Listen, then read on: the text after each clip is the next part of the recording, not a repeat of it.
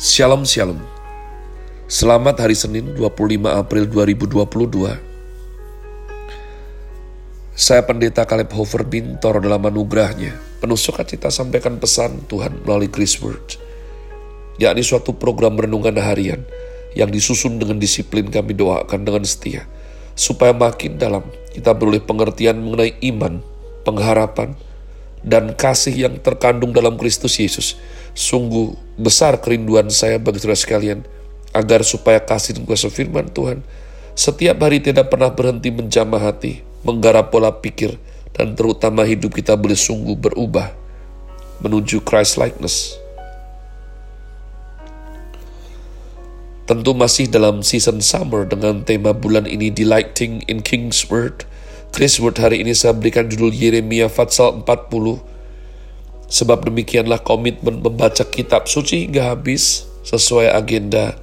Kita sudah mencapai Fatsal 40 kitab Yeremia. Adapun program ini juga di broadcast melalui channel GBI Rock Fluid dengan tajuk Podcast with Jesus. Mari bergegas kita menuju daripada ayat pembacaan hari ini. Yeremia Fatsal 40. Yeremia tinggal pada Gedalia. Firman yang datang daripada Tuhan kepada Yeremia sesudah ia dilepaskan dari Rama oleh Nebuzaradan, kepala pasukan pengawal yang telah menyuruh untuk mengambilnya terbelenggu pada tangannya di tengah-tengah semua orang buangan dari Yerusalem dan Yehuda yang hendak diangkut ke dalam pembuangan ke Babel. Kepala pasukan pengawal itu telah mengambil Yeremia dan berkata kepadanya, Tuhan Allahmu telah mengancamkan malapetaka ini atas tempat ini, dan ia telah melaksanakannya Tuhan telah melakukan apa yang diancamkannya, oleh karena kamu telah berdosa kepada Tuhan dan tidak mendengarkan suaranya, sehingga terjadilah hal ini kepada kamu. Maka sekarang, lihatlah aku melepaskan engkau hari ini dari belenggu yang ada pada tanganmu itu.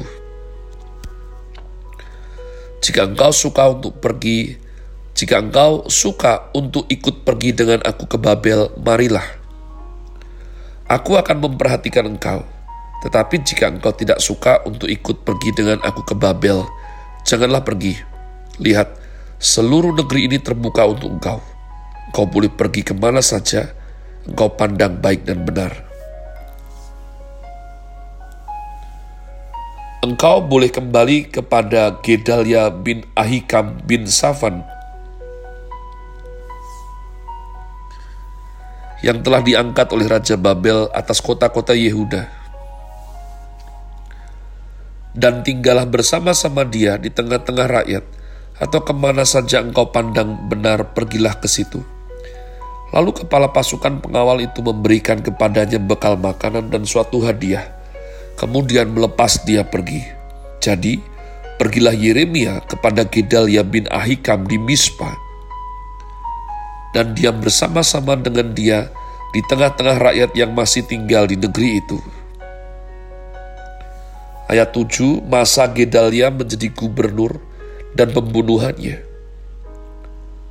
Ketika semua panglima tentara yang masih berada di luar kota dengan orang-orangnya mendengar bahwa Raja Babel telah mengangkat Gedalia bin Ahikam bin Safan atas negeri itu dan bahwa kepadanya telah diserahkan pengawasan atas laki-laki, perempuan, dan anak-anak, yaitu dari orang-orang lemah di negeri itu yang tidak diangkut ke dalam pembuangan ke Babel, maka pergilah mereka kepada Gedalia di Mispa.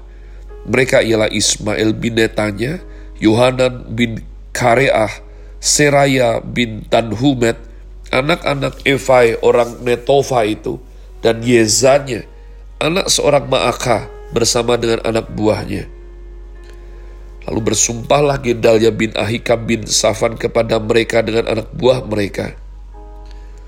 Janganlah kamu takut untuk takluk kepada orang-orang Kasdim itu. Tinggallah di negeri ini dan takluklah kepada Raja Babel, maka keadaanmu akan menjadi baik. Dan aku sendiri, aku menetap di Mispa untuk bertindak sebagai wakil di depan orang-orang Kasdim yang akan datang kepada kita. Tetapi kamu ini, kumpulkanlah saja hasil anggur, buah-buahan dan minyak, kemudian simpanlah sebagai persediaan. Dan tinggallah di kota-kota di mana kamu hendak menetap. Juga ketika semua orang Yehuda yang ada di Moab, di antara Bani Amon, di Edom, dan di negeri-negeri lain mendengar bahwa Raja Babel telah membiarkan tinggal sisa rakyat di Yehuda dan mengangkat Gedalia bin Ahikam bin Safan atas mereka. Maka kembalilah semua orang Yehuda dari segala tempat ke mana mereka telah berserak-serak.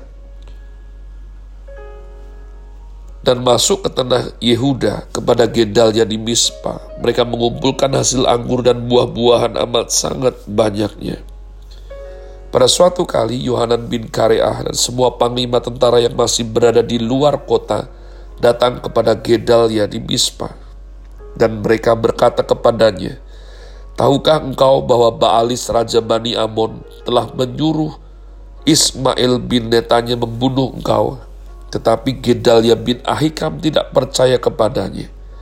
Kemudian Yohanan bin Kareah berkata dengan diam-diam kepada Gedalia di Mispa, Baiklah aku pergi membunuh Ismail bin Netanya itu dengan tidak diketahui siapa pun juga. Mengapa engkau harus dibunuhnya?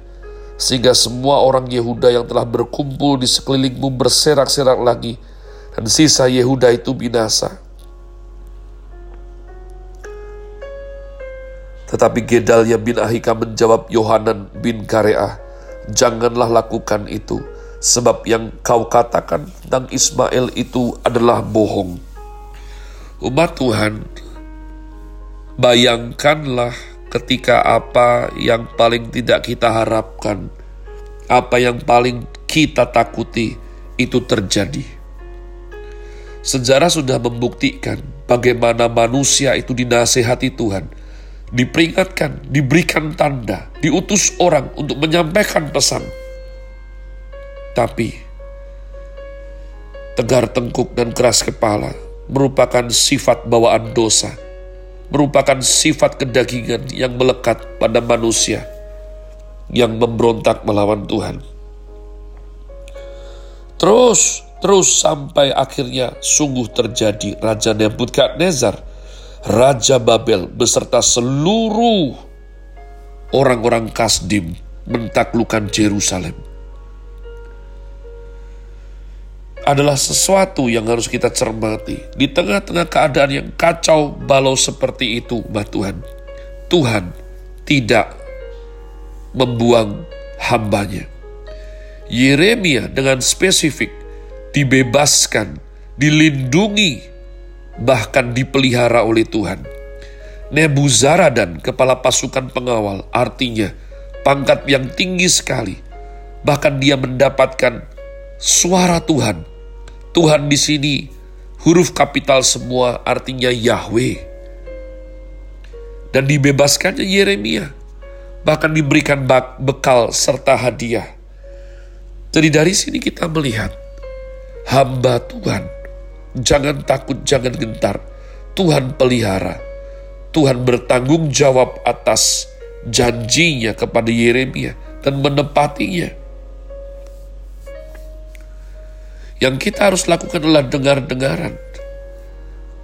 Nah umat Tuhan, di keadaan yang kacau seperti itu, ya, maka kita melihat seorang gubernur Gedalia yang baik terancam pembunuhan, terancam kematiannya.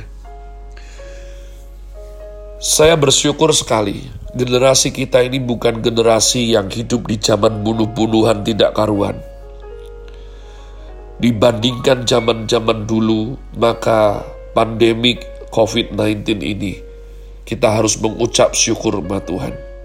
Karena sejarah membuktikan banyak zaman yang lebih pahit, lebih getir daripada yang kita hadapi. Tapi yang terpenting bukanlah perlombaan seberapa sulit zaman yang kita alami. Tapi bagaimana kita mencari kehendak Tuhan mencari perkenanannya, dan mencari jalan-jalannya. Sebab di masa sulit, hanya yang bergantung kepada Tuhan, hanya yang tahu kehendak Tuhanlah yang survive, yang ada dalam lindungan dan pemeliharaan Tuhan. Have a nice day. Tuhan Yesus memberkati saudara sekalian. Sola. Grazie.